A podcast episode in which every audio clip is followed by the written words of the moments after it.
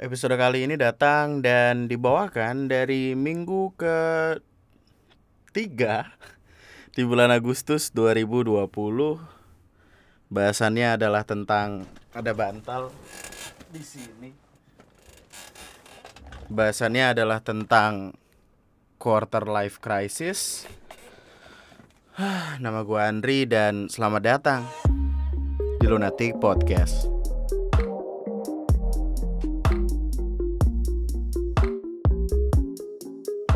Eh, apa kabar? Selamat, ay, selamat malam, selamat pagi. Jadi podcast kali ini direkam jam 3 pagi tanggal 17 Agustus 1000 eh 1945. Tanggal 17 Agustus eh, 2020. Selamat ulang tahun Indonesia.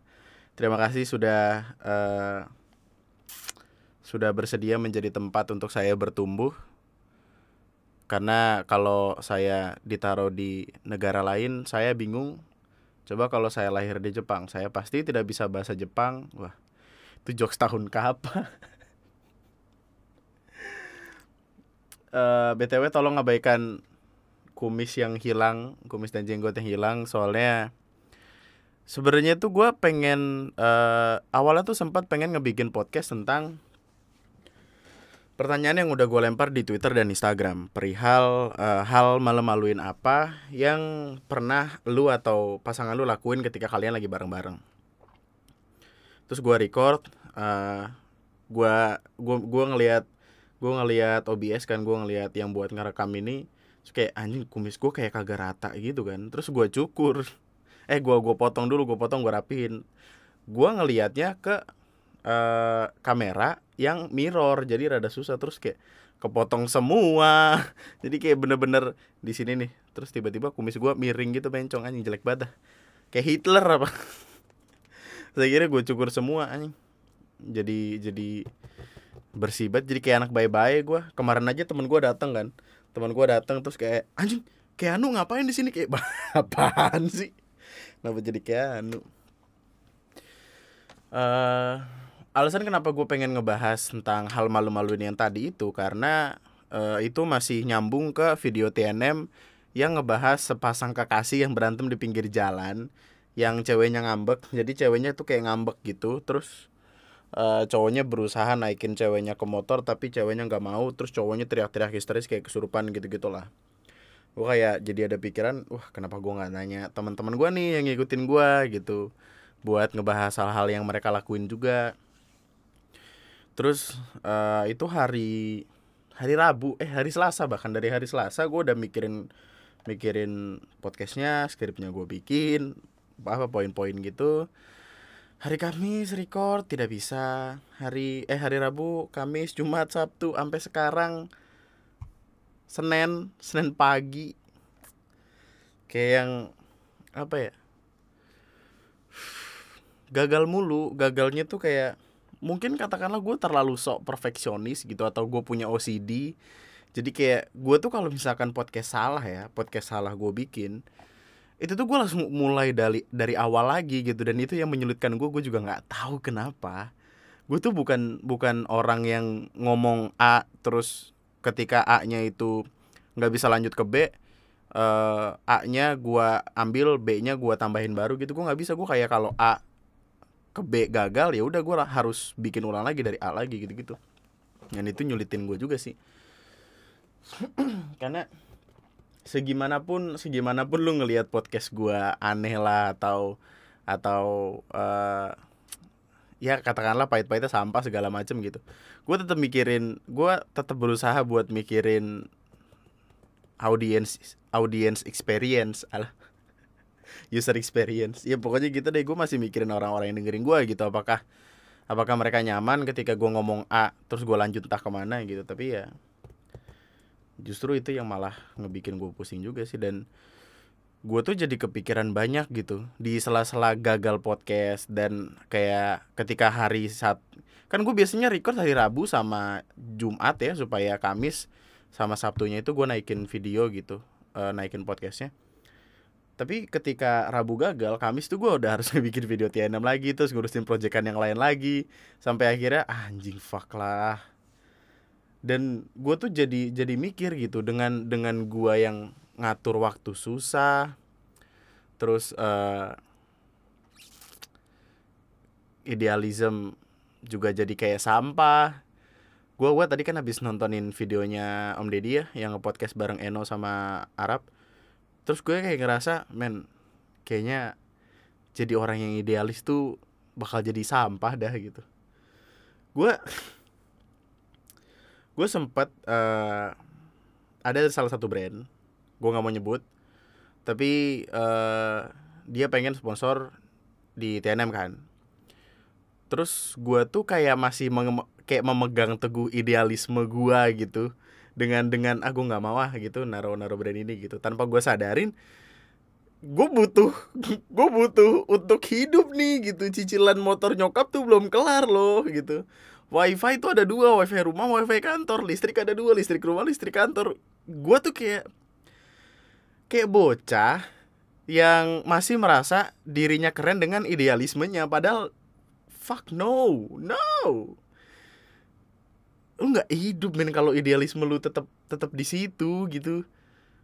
Susah susah hidup dari dari idealisme diri sendiri. Dan dari situ gue jadi kepikiran banyak hal. Termasuk uh, apa ya? Gua, enggak maksud gue gue sampai ada di titik yang bahkan gue uh, ngerasa kalau kayaknya ini deh yang orang-orang bilang quarter life crisis gitu. Sebuah sebuah kondisi di mana kita bingung tujuan tujuan hidup tuh apa gitu mau ke mana. Kenapa kita ngerasanya kayak selalu sendirian terus selalu kayak uring-uringan setiap hari setiap saat. Dan uh, eh, gue pun ngedengerin podcast beberapa orang kan tentang quarter life crisis ini dan kayaknya gue lagi ada di situ deh men gitu sebenarnya banyak gitu banyak orang yang yang minta gue buat ngebahas ini gitu. Karena mungkin mereka lagi ada di sana gue nggak tahu juga. Tapi ketika mereka minta uh, eh, gue buat ngebahas itu gue tuh ngerasa kalau gue tuh nggak lagi di sana gitu. Gue gua belum ada di titik itu. Jadi gue gua nggak tahu apa apa gitu. Terus ketika masuk ke sini man kayaknya ini deh gitu. Pernah gak sih lu ada di sebuah kejadian atau sebuah masa atau keadaan gitu di mana di mana orang lain tuh ngejelasin dengan dengan detail apa-apa apa-apa yang terjadi gitu. Terus lu kayak yang uh, meremehkan keadaan itu karena lu nggak tahu kemudian ketika keadaan itu nyampe di lu lu tuh kayak langsung terdiam gitu. Itu gua lu.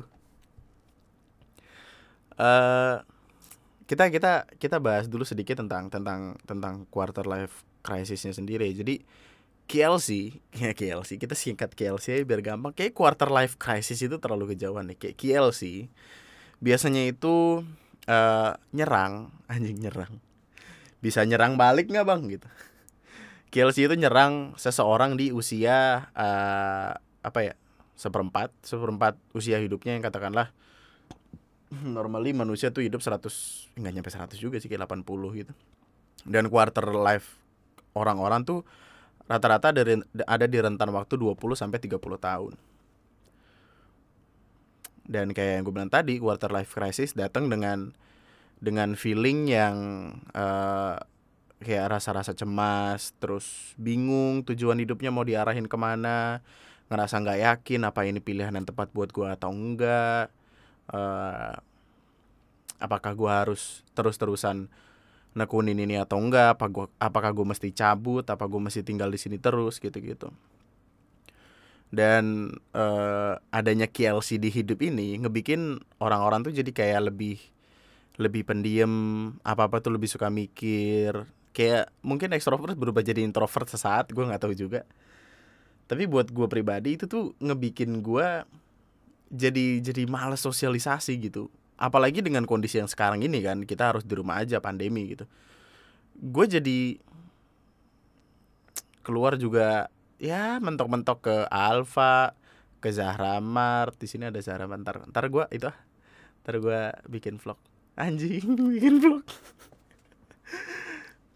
Uh, ya udah gitu. Males sosialisasi males nongkrong. Karena juga nggak boleh nongkrong sih males untuk ada di lingkungan sosial kita sendiri gitu. Karena dalam pikiran kita tuh ketika kita lagi ada di keadaan kayak gitu kita justru malah nyesel kenapa kita ngelakuin ini. Yang padahal itu untuk senang-senang kayak contoh gini deh.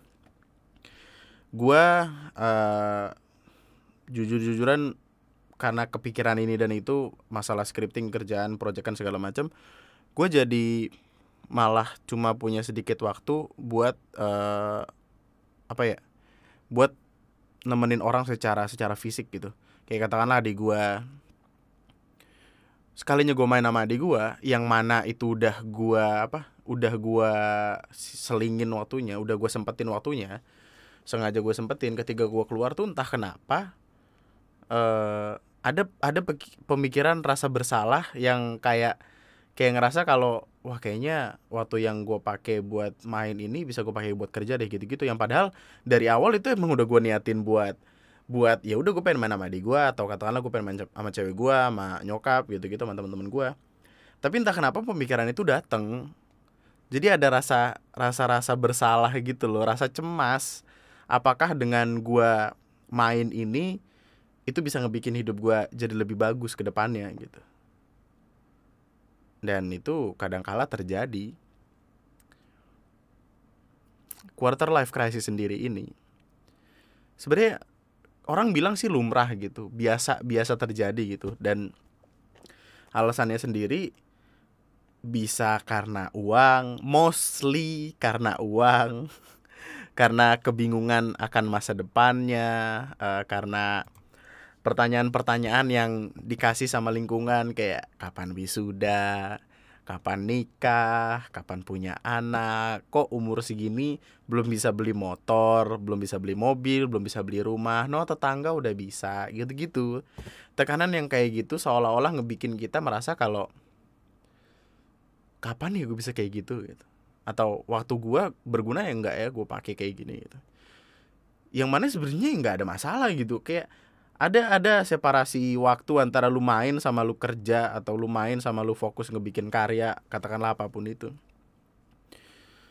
Tapi kebanyakan tekanan itu datang atas pertanyaan-pertanyaan yang diminta sama society yang mau seignoran apa pun kita kayaknya tuh bakal tetap ngena gitu. Gua gua kan gak peduli banget ya sama orang gitu maksudnya lu ngomong apa ke gua gua bakal ambil yang bagus gua bawa pulang yang buang eh yang yang jelek ya gua buang gitu. Tapi selalu akan ada satu atau dua kalimat yang gue pikir gue nggak tahu kenapa kayaknya dia bener gitu-gitu. Beban gue aduh gue nggak pengen nyebut ini beban sih karena kalau ini beban ntar malah kepikiran terus. Pokoknya gue gue pengen uh, beli rumah. Gue siapa sih nggak pengen gitu. Untuk untuk katakanlah untuk hidup untuk menua di rumah itu atau syukur-syukur habis beli rumah tahun depan beli rumah lagi gitu nggak tahu rentenir tanah apa gimana nggak tahu.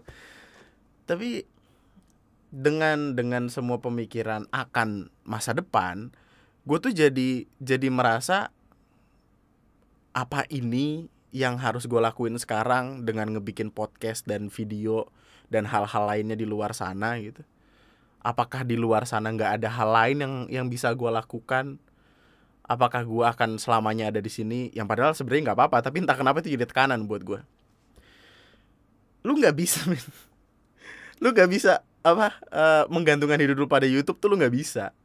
Enggak men fuck enggak asal lu tahu YouTube itu polisinya polisinya udah lebih udah lebih kacau lah gitu. Aturan aturannya itu udah makin wadaw wadidididididu kayaknya YouTube bener-bener gue sempat ngobrol-ngobrol sama Ray kan ya YouTube bener-bener pengen ngebikin uh, dirinya kayak TV aja deh gitu dan uh, kalau kita kami youtuber itu ah, fuck youtuber lah kami orang-orang yang ngebikin video di YouTube menyebutnya sebagai apocalypse gitu sebuah kondisi di mana YouTube-nya sendiri tuh kayak aturan-aturan untuk iklan itu bener-bener diketatin parah kayak uh, sekarang ada yang namanya self certification. Jadi kita bisa nilai video kita apakah aman untuk iklan atau enggak.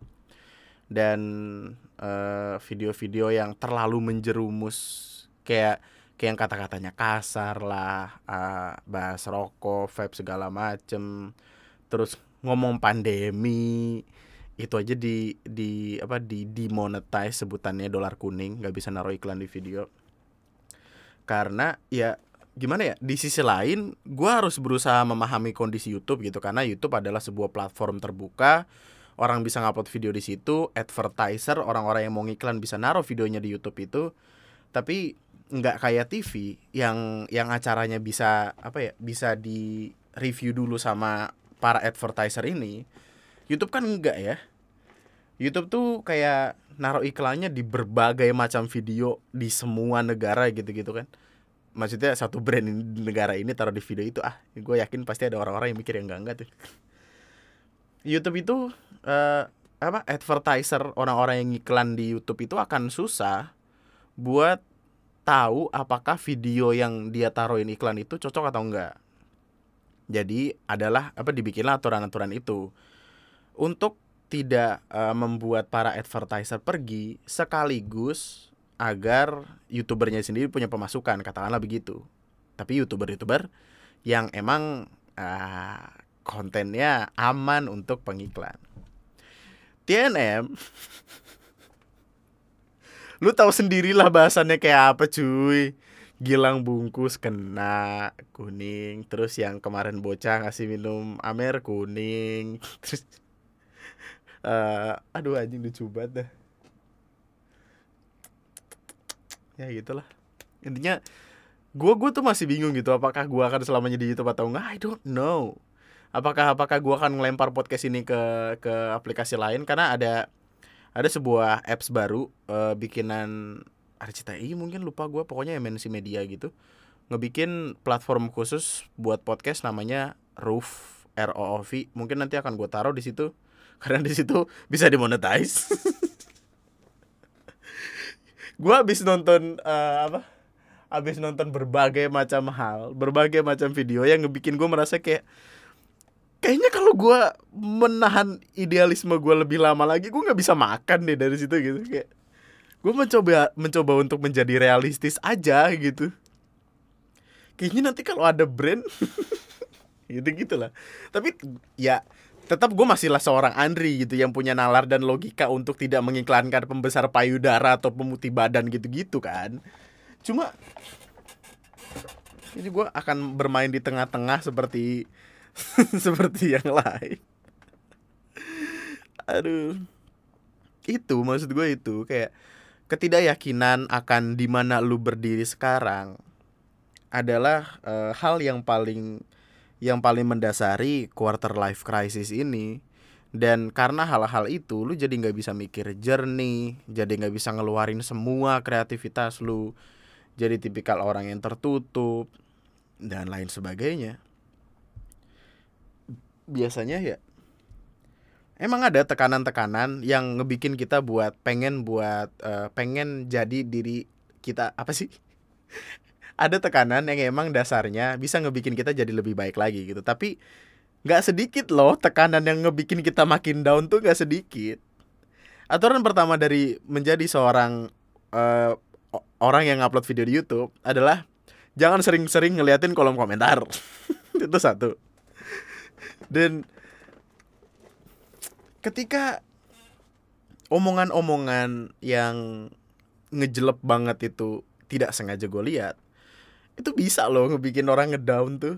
Meskipun setidak peduli pedulinya amat kita kayaknya kalau kita ngelihat terus kayak kita kepikiran bentar uh, di scroll lagi gitu. Paling paling mentok tuh kayak gitu kayak ngelihat terus kayak sakit hati bentar terus di scroll hilang gitu. Ada yang kayak gitu.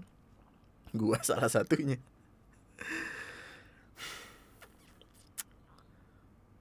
Ada tekanan yang emang uh, versinya tuh justru malah makin menekan. Gua aja sampai sekarang masih merasa berdosa karena gua ngaj uh, ngajuin pertanyaan ke temen gua yang padahal awalnya itu adalah gue pikir itu adalah sebuah pertanyaan logis biasa gitu. Tapi setelah gua sadar pertanyaan itu ternyata nyakitin orang. Waktu itu temen gua wisuda. Uh, terus kami ini ini sebelum pandemi. Uh, terus kami ke rumahnya uh, ngasih hadiah selamat gitu bla bla bla bla bla bla. Nah ada satu lagi temen gue yang kuliah bareng dia. Terus uh, temen gue ini uh, di situ gue tanya juga eh lu kapan wisuda? Gitu. Itu keluar gitu aja gua nggak sadar apa yang gua omongin itu salah atau enggak kemudian temen gue ini cuma jawab kayak tar kalau gua udah pinter. Terus gue kayak oh gitu. Gue kira dia bercanda gue pikir gue juga bercanda. Sampai akhirnya gue sebat di luar kan ngerokok sama teman-teman gue satu teman gue bilang eh lu parah ya lu nanya begitu. Nanya apa? Itu lu nanyain temen lu kapan wisuda? Eh emang itu emang itu ofensif ya? Ya gila aja lu gitu. Gue tuh selalu selalu selalu nanya gitu ke temen gue apakah kalimat gue ofensif atau enggak ketika gue bener-bener nggak sadar. Dan waktu itu gue nggak sadar. Dan gue nggak tahu gitu apakah apakah yang gue kalimat yang gue keluarin itu bener-bener uh, dia ambil sepenuhnya atau enggak dan gue jadi nggak enak. Ada beberapa kalimat yang keluar secara tidak sadar karena entah refleks entah entah buat asik aja atau gimana tapi kalimat-kalimat yang gak sadar itu kayaknya emang yang justru nyelakit juga sih. Selain kalimat tetangga ya tangga mah kadang kayak berak lah gue tetangga gue yang ngono yang di yang di yang gue di rumah. Wah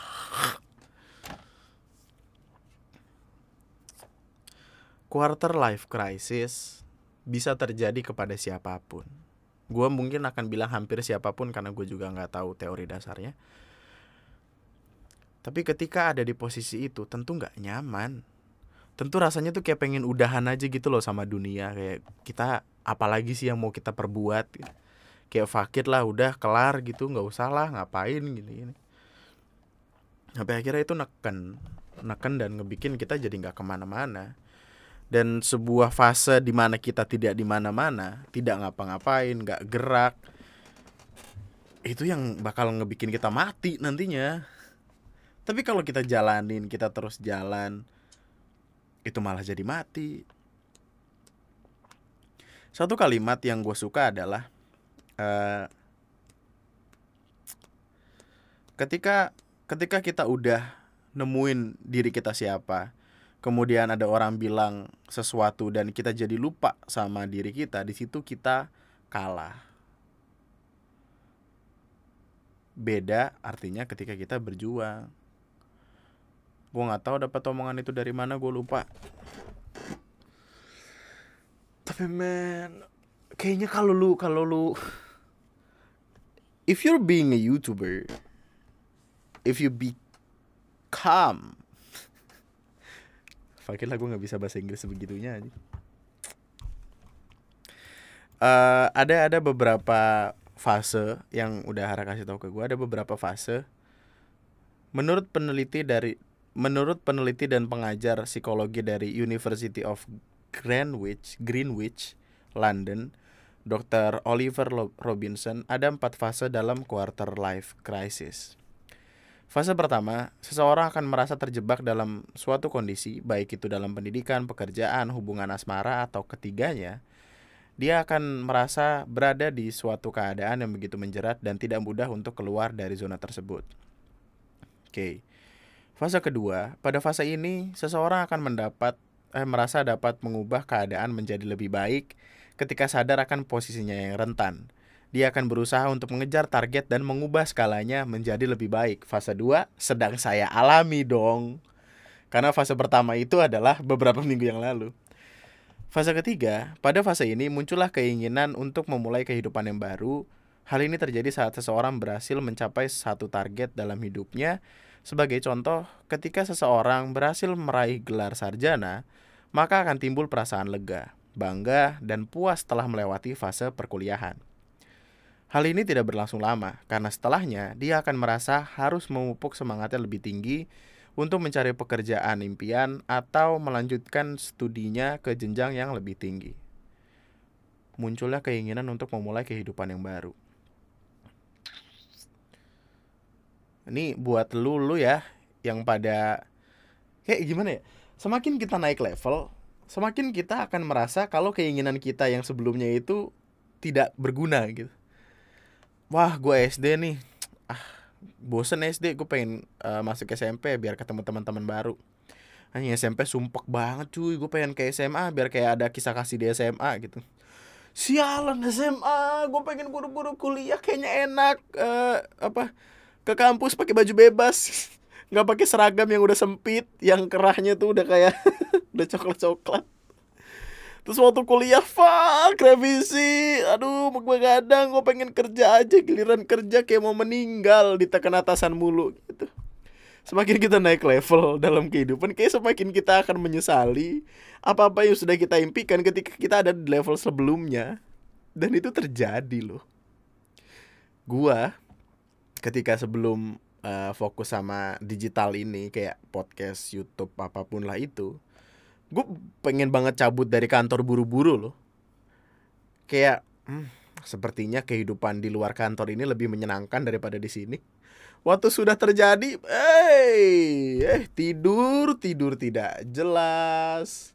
Kerjaannya menyesal kenapa hari ini tidak membuat sesuatu yang berguna?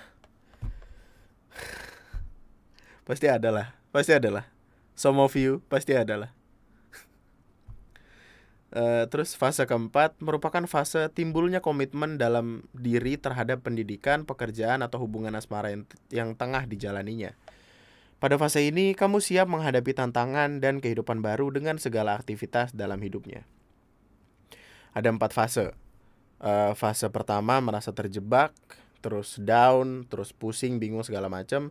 Fase kedua uh, apa? Ada perasaan untuk mengubah keadaan menjadi lebih baik Fase ketiga untuk apa? Fase ketiga munculnya keinginan untuk memulai kehidupan yang baru. Dan keempat, fase timbulnya komitmen dalam diri terhadap apa pun yang dilakuin. Ini ini gue btw uh, menurut penelitian ya, kayaknya ini dapat dari artikel Ara tadi bantuin nyari. Dan pertanyaannya lu lagi ada di fase yang mana? Gue mungkin akan masih jawab fase kedua sih karena gue masih masih baru merasa nih baru merasa apakah diri gue bisa lebih dari ini atau enggak gitu. Belum belum fase ketiga belum fase keempat. Atau gue udah fase ketiga nggak tahu juga.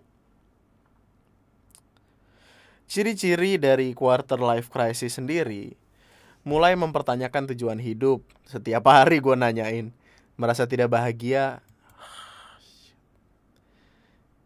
Kayaknya di masa pandemi hanya segelintir orang yang bahagia deh ya nggak sih? Maksudnya kebahagiaan tuh datang dari mana? Orang yang udah berkeluarga yang punya anak kebahagiaannya dapat dari anak ya tapi di sisi lain gitu. Pusing nyari duit di mana? Merasa tidak bahagia. Kayak gue bahagia bahagia aja sih nggak tahu sih. Apakah apakah ada beberapa dari lu yang merasa bahagianya terlalu dibuat-buat gitu maksudnya deep down deep down inside tuh kita merasa kayak anjing kayaknya gue gue nggak nggak ada bahagia bahagianya Chan gitu ada gak sih? Mungkin gue gue nggak tahu. Sebenarnya podcast ini aja bahkan pengen gue bikin dengan dengan nada surau gitu terus kayak yang tipikal tipikal ngebikin uh, Hai selamat malam semuanya. Nama gue Andri dan sorry entah kenapa ketika podcast ini berjalan gue jadi rada pilek ya. Kayak gitu kayak gitu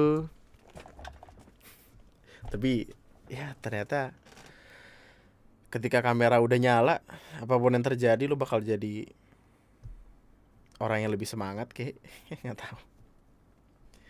Sosial media malah bikin tertekan. Oh ciri-ciri Oh my lord. Kayaknya ya ketika lu merasa lu lagi ada di titik terendah hidup lu Jangan buka sosial media deh. Jangan buka sosial media karena nantinya lu akan membanding-bandingkan diri lu dengan temen-temen lu yang sebenarnya kebahagiaannya itu cuma ada di Instagram doang.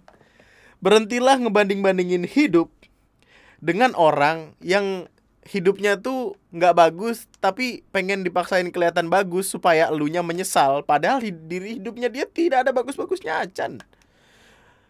Gue punya teman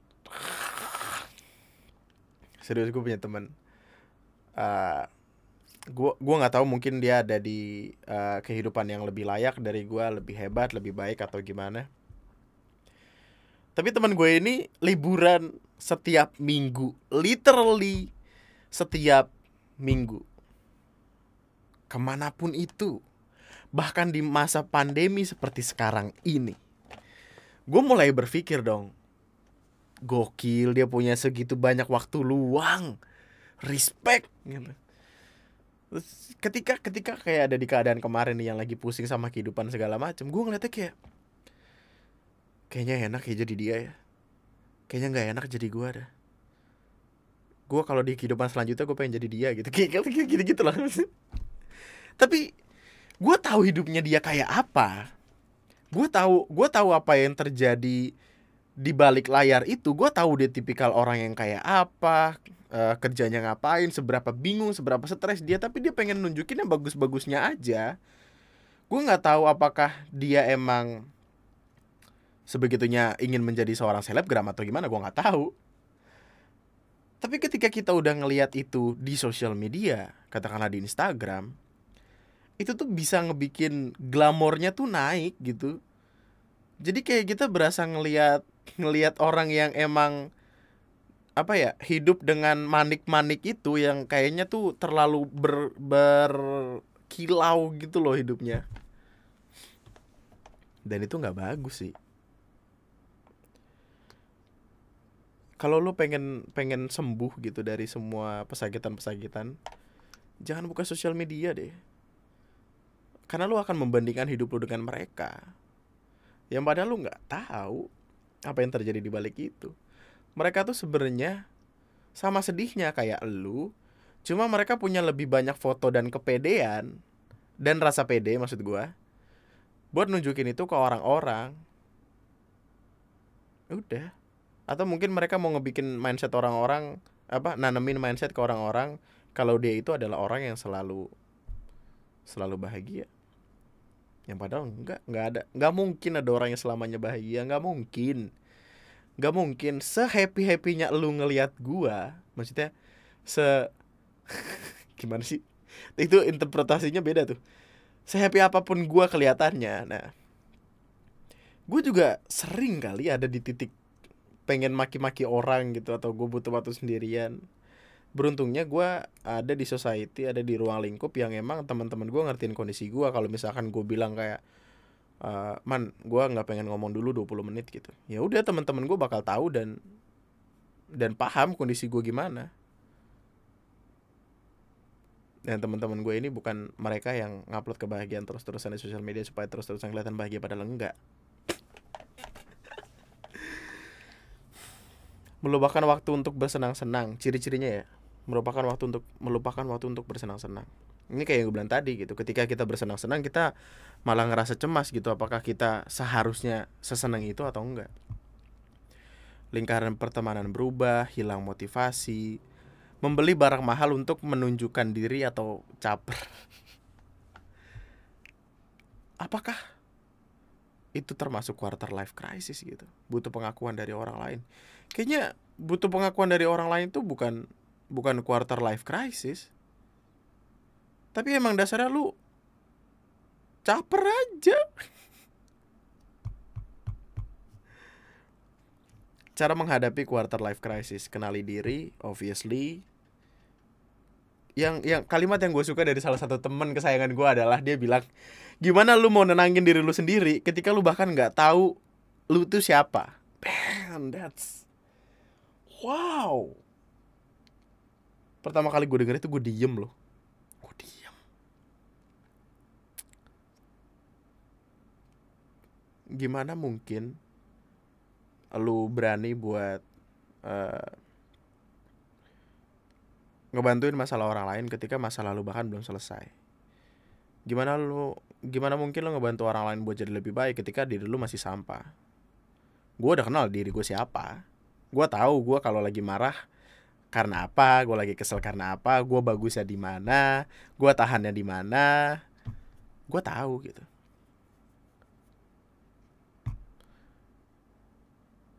tapi gue rasa ngenalin diri sendiri juga belum cukup ya.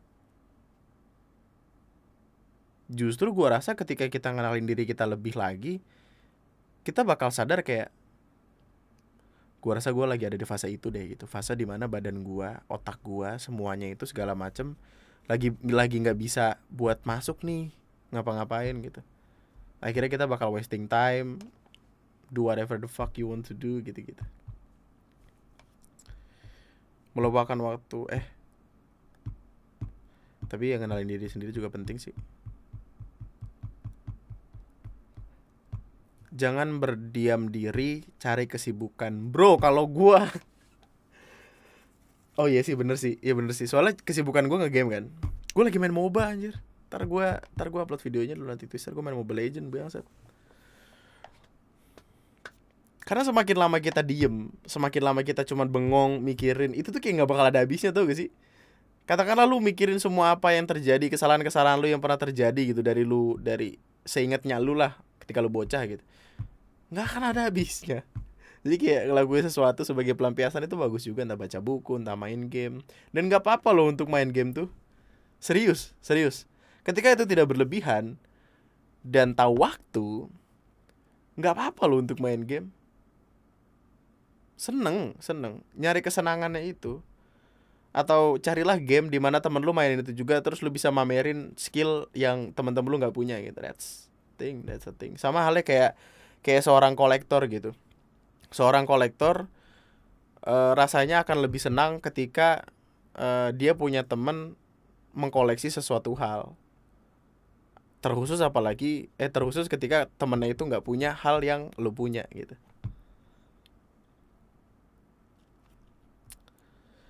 berbagi dengan orang terdekat curhat bagus. Curhat aja lu nanti twitter kirim email lu ke newrhii@gmail.com atur keuangan. Lebih produktif. Percaya pada masa depan semua bakal baik-baik aja semua akan indah pada waktunya. That's it that's all. Teruntuk siapa pun tadi tadi kan aku cuma bacain bacain uh, skrip ya poin gitu teruntuk siapa pun lu yang lagi ada di fase kayak gua quarter life crisis itu kayak sebuah ini loh kayak sebuah alarm dalam hidup. Sebuah alarm nyata yang akhirnya nyala buat ngasih tahu lu kalau lu tuh udah mau dewasa. Kalau lu harusnya tuh bisa jadi lebih kuat lagi buat uh, ngadepin semua rintangan-rintangan ke depannya. Gue lebih gue gue apa ya? Gue suka ini kalimat dia kalimat dari background videonya Froyonion apa kalau nggak salah. Hidup ini nggak hidup ini nggak keras, lu nya aja yang lembek gitu. Ih, kayaknya gitu deh. Hidup ini nggak keras, lu nya aja yang lembek. Dan masa-masa uh, quarter life crisis ini hadir buat ngebikin komitmen lu lebih kuat, hadir buat ngebikin apakah lu sungguh-sungguh sama yang lagi lu lakuin atau enggak apakah lu layak buat bertumbuh menuju level selanjutnya atau tidak? Dan gua rasa gua udah siap untuk itu. Gua rasa gua udah siap buat ada di titik-titik baru yang nantinya harus gue isi. Di esai di sebuah pertanyaan-pertanyaan yang bahkan gue belum tahu jawabannya apa tapi at the end gue bakal bakal pengen ada di sana. Pengen ngisi titik-titik itu pakai tangan gue sendiri tentunya dengan bantuan orang-orang yang gue sayang tanpa perlu ngorbanin apa pun kecuali waktu tenaga dan otak gue anjay. Kayaknya nggak klimaks ya ketika kalimat sebuah kalimat dipakein anjay di belakangnya anyway that's it. Itu aja. Semoga siapa pun lo yang lagi ada titik kayak sekarang ini bisa cepet pulih, bisa cepet sembuh, bisa cepet balik ke keadaan lo yang yang seperti semula. Tentang tentang masalah apa pun itu, uh, cinta, pekerjaan, kuliah, target apa pun lah semuanya bakal baik-baik aja ketika kita udah nentuin ke mana titik finish kita selanjutnya. Karena di balik titik finish pasti ada finish finish lain dong yang harus dicari. Nggak apa-apa buat belok kiri kanan sekali dua kali nggak apa-apa. Mau mau sempat muter balik sedikit juga nggak apa-apa. Yang penting garis finishnya tuh tetap ada di depan dan tetap lo kejar. Garis finish gua sekarang adalah bisa menuhin semua janji-janji yang udah gue bikin ke diri gue sendiri atau bahkan ke orang-orang lain. I'll try, I'll try, I'll try. itu aja buat podcast gue kali ini thank you udah dengerin ini agak sedikit agak sedikit ah kayak terlalu terlalu dalam dan tidak menarik atau mungkin itu podcast awal-awal yang apa yang kayak podcast awal-awal yang gue bikin gue nggak tahu juga But that's it. Terima kasih udah nonton. Terima kasih udah ngedengerin Lunati Podcast. Terima kasih udah senantiasa nemenin gue bertumbuh. Lu bisa subscribe uh, YouTube channel ini atau lo bisa follow gue di Spotify. Tunggu gue nanti di Roof R O V. Uh, follow sosial media gue di Lunati eh, follow sosial gue di sosial media gue di @lunatic_twister. Terus uh, di tweet paling baru gua itu ada link buat masuk ke grup Telegram yang udah gue bikin. Mungkin nanti kita bisa sharing-sharing di sana dan bisa ngasih uh, info-info podcast. Eh, kayaknya itu buat TNM. Podcast podcast gue bikin baru lah. Oke. Okay.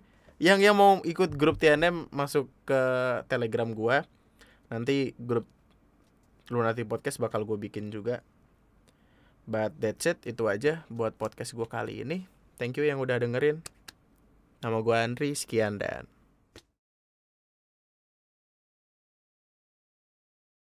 Lah, gue baru sadar lampu belakang gue gak nyala. Men, semua semua lampu di rumah gue, gue ma eh semua lampu di rumah gue tuh mati. Gue bingung, asli bingung. Lampu dapur gue mati, lampu tumbler ini mati. Kayak mesti gue ganti lagi.